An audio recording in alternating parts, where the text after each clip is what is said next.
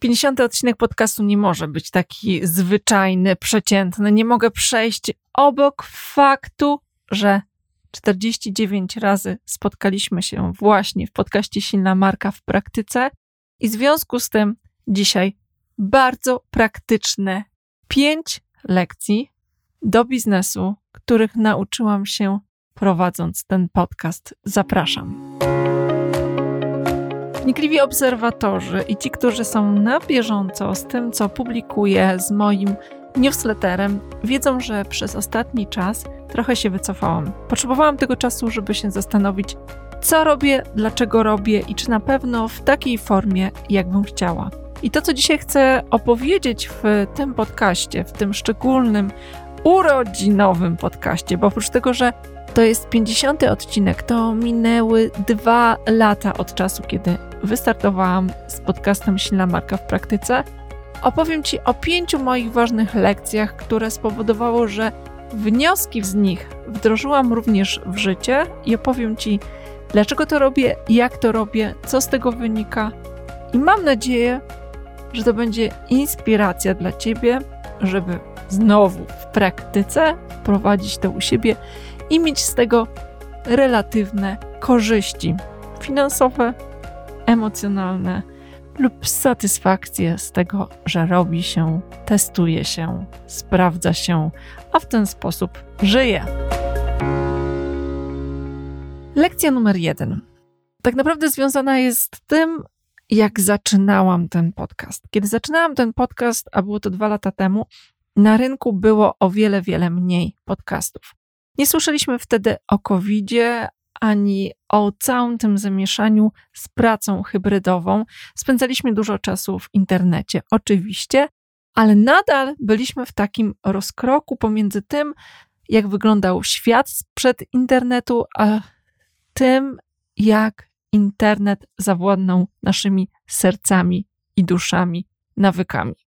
I ja wtedy już zastanawiałam się, no dobrze, chciałabym zrobić podcast, chciałabym, żeby ten podcast był praktyczny, żeby on był wskazówką, żeby mogła mieć przestrzeń, gdzie będę rozmawiała z moimi odbiorcami, z innymi silnymi markami i chciałam, żeby był unikalny.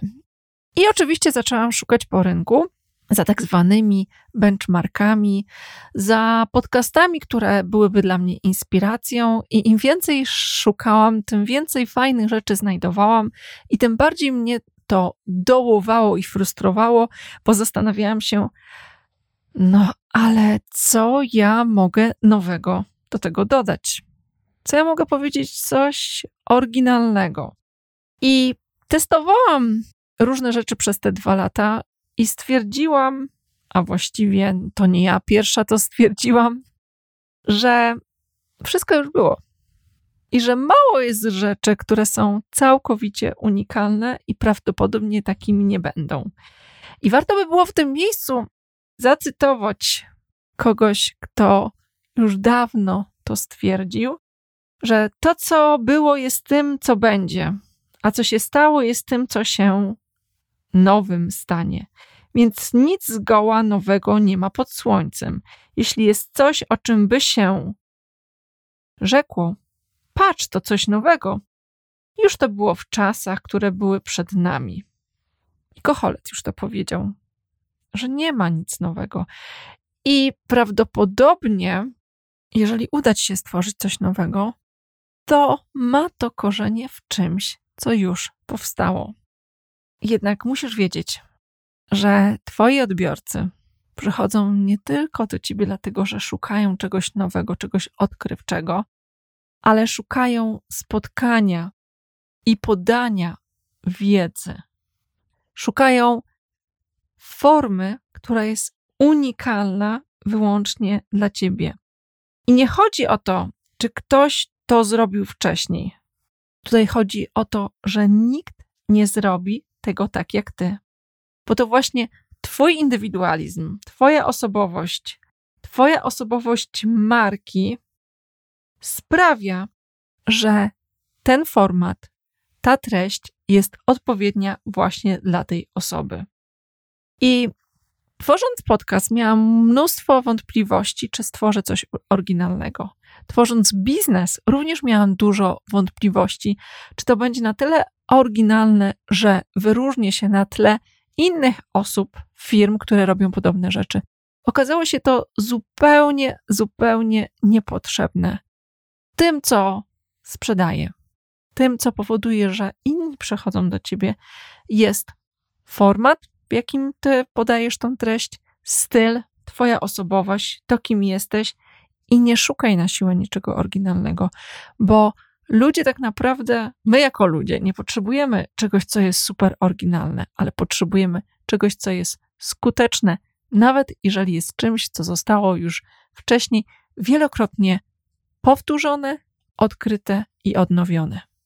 I moja pierwsza lekcja brzmiałaby, że nieważne, co zrobię, ale ważne, jak to przekażę. Druga ważna lekcja to są himalajskie krowy. I ci, którzy słuchają mnie od dłuższego czasu, już pewnie wiedzą, o czym powiem.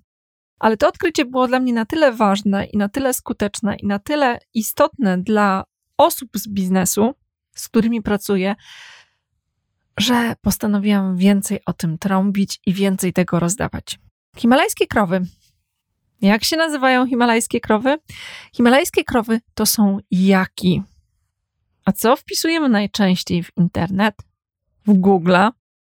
Jaki jest sposób na jak poradzić sobie z. I himalajskie krowy to one okazały się zwycięzcami w kontekście tematów, które podejmuję w podcaście.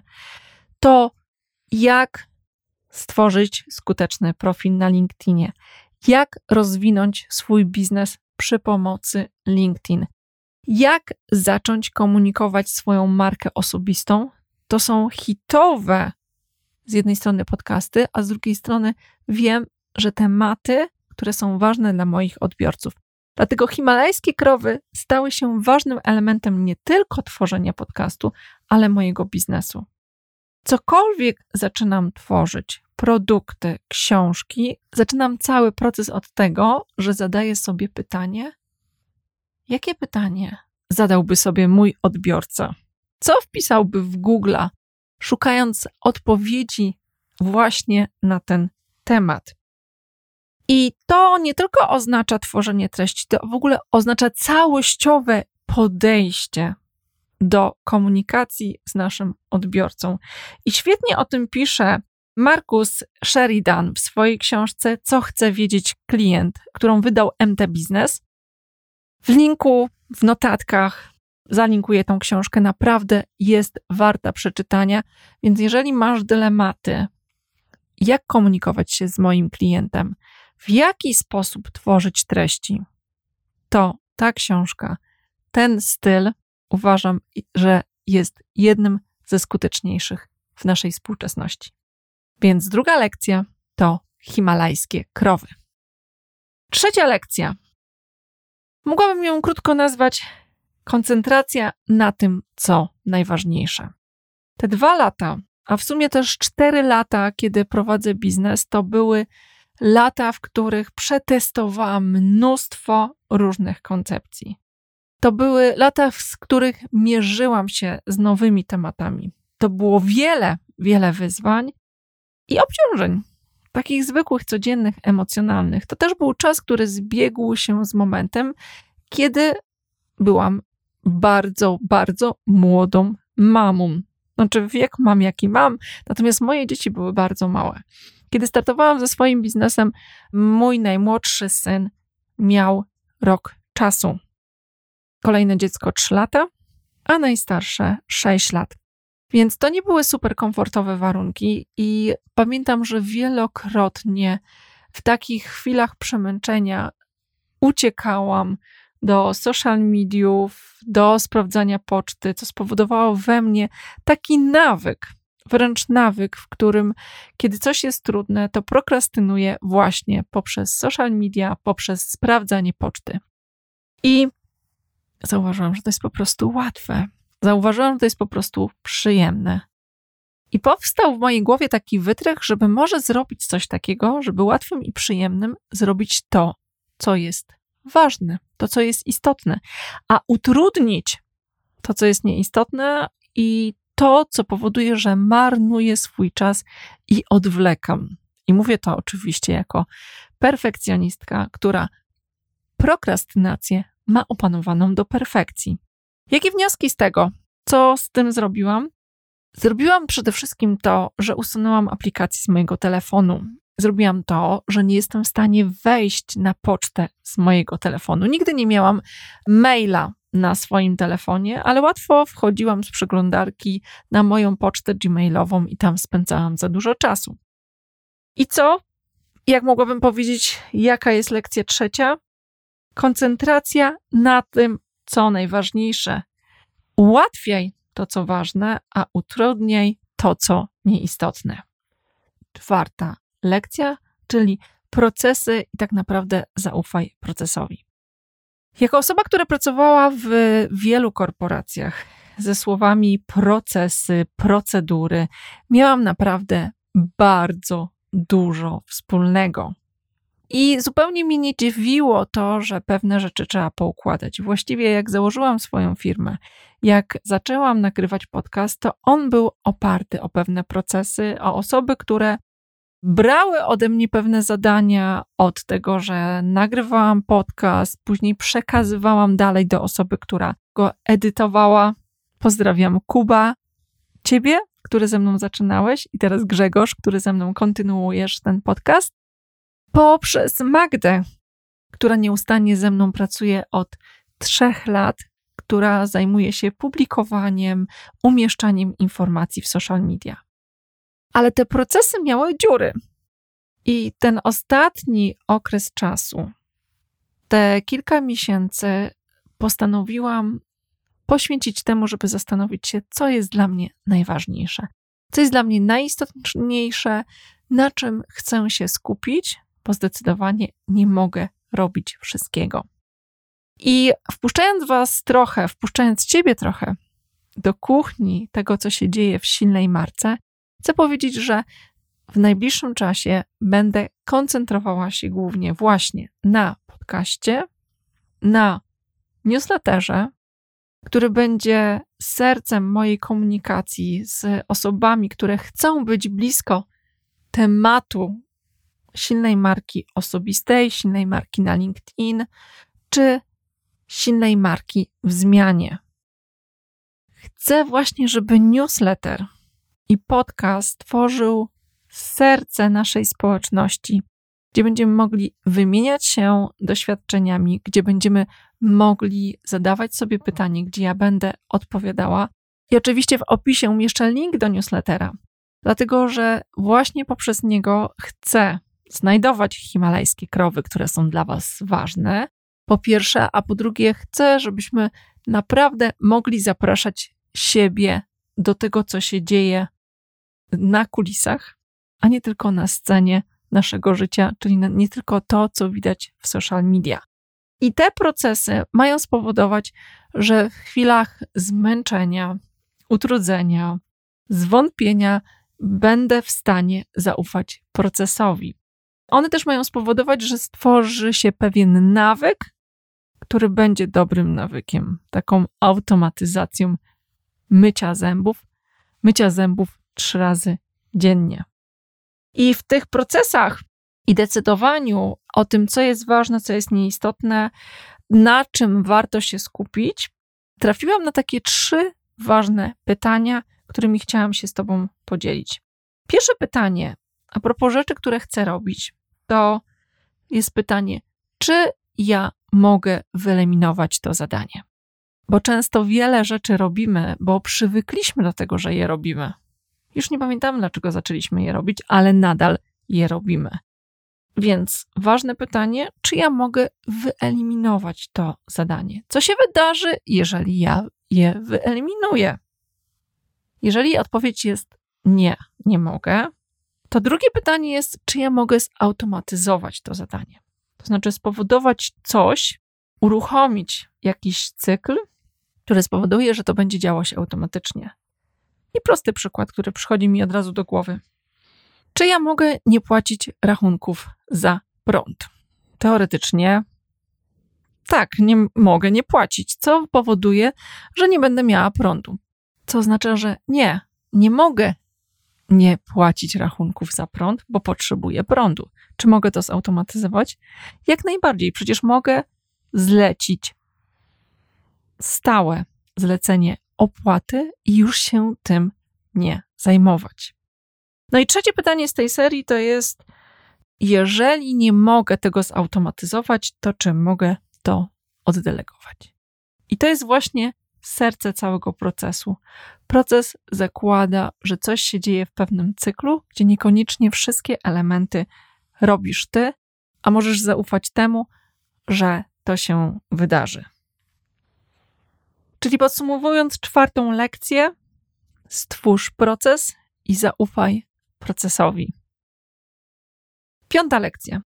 Piąta lekcja jest pewnym hasłem, które na pewno będziecie już wielokrotnie ode mnie słyszeli, bo to jest coś, co było dla mnie dużym uwolnieniem i coś, co uwalnia wielu moich klientów. Piąta lekcja i jej hasło brzmi: Nie porównuj czyjejś sceny ze swoimi kulisami.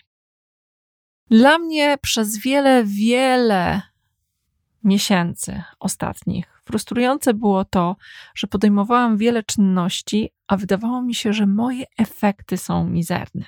Dlaczego? Dlatego, że szczególnie w social media, w internecie widziałam ludzi sukcesu, którzy opowiadali o tym, jak świetlana jest ich przyszłość, jak mało robią, jak siedzą z tym latte sojowym mlekiem na ulicy krakowskie przedmieście, odpoczywają, a biznes sam się toczy. A ja w znoju, trudzie, krok za krokiem, wiele godzin podejmowałam wysiłki i wydawało mi się, że, że to nie jest takie spektakularne.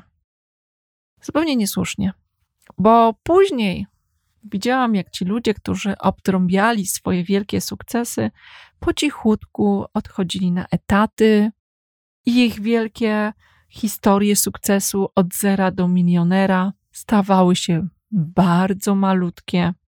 I stwierdziłam, Angelika, Chyba porównujesz nie te rzeczy. I tak powstało hasło: nie porównuj czyjejś sceny ze swoimi kulisami. I często mam pokusę zajrzenia za czyjeś kulisy, zobaczenia, co tak naprawdę się dzieje. Jest niewiele osób, które tak totalnie, autentycznie pokazuje, co tam się dzieje, ale można prywatnie zajrzeć, zobaczyć. I tam się można zdziwić, pocieszyć, ale też stwierdzić, wszystko ze mną jest w porządku. To mnie nauczyło jednej ważnej rzeczy. Psy szczekają, karawana idzie dalej. Niech sobie obtrąbiają swoje sukcesy, a ja robię swoje i nie przyglądam się zbytnio, nie porównuję się do tego, co ktoś inny pokazuje. Dlaczego? Dlatego, że prawdopodobnie nie tylko jest to częściową prawdą, mistrzowie snucia wizji pokazują tylko fragment rzeczywistości, tworząc pewne wyobrażenie.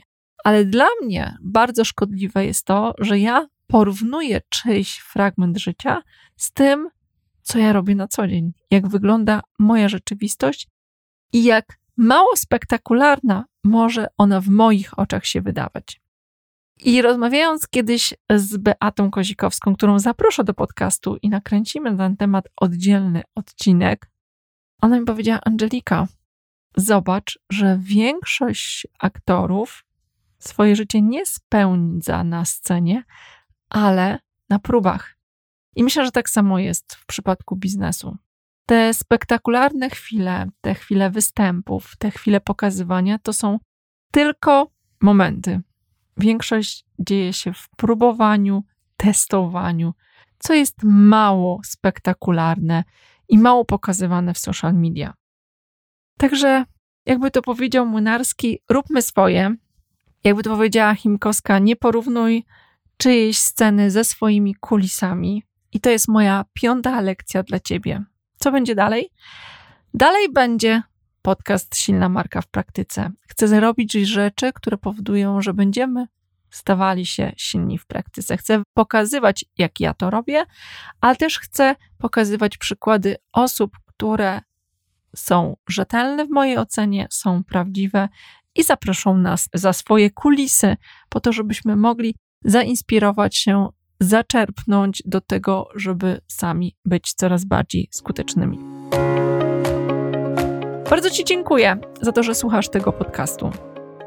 Jeżeli jesteś osobą, która wysłuchała dużej części moich podcastów, to tym bardziej kłaniam się nisko.